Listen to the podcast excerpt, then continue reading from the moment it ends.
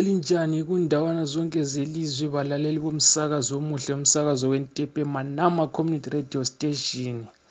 Okukhulumayo ngukwakhiwe dube lamhlanje silalele amankazana asakhulayo u-Anita Moyo lomakhosazana Vela bekhuluma ngendubo abahlangane lazo ngesikhathi se lockdown ngesikhathi se corona virus asibezweni bekhuluma.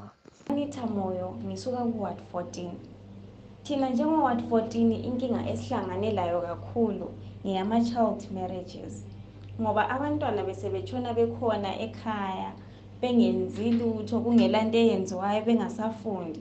So izikolo lanxa zivuliwe yebo zivuliwe but abanye abantwana ukuthi bebuyele esikolo kabasoze bekwanise ngoba abanye sebeyendile abanye lanxa bengayendanga kodwa bazithwele basekhaya. So yiyo yena le inkinga esithe kuhlangana layo ngenxa ye-covid-19 njengabantu abatsha abesifazana thina esisakhula kunengi ubunzima esihlangane labo during i-pandemic le e-covid.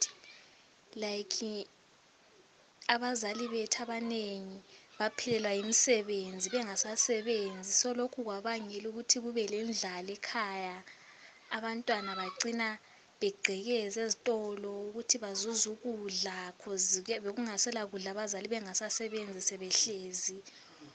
Okunye njengabantu abatsha lathi maybe ade sebezuze imisebenzi besathi labo bayahluma ukuthi labo bakwanise ukuthi bazenzele bengabi dependent ebazalini babo.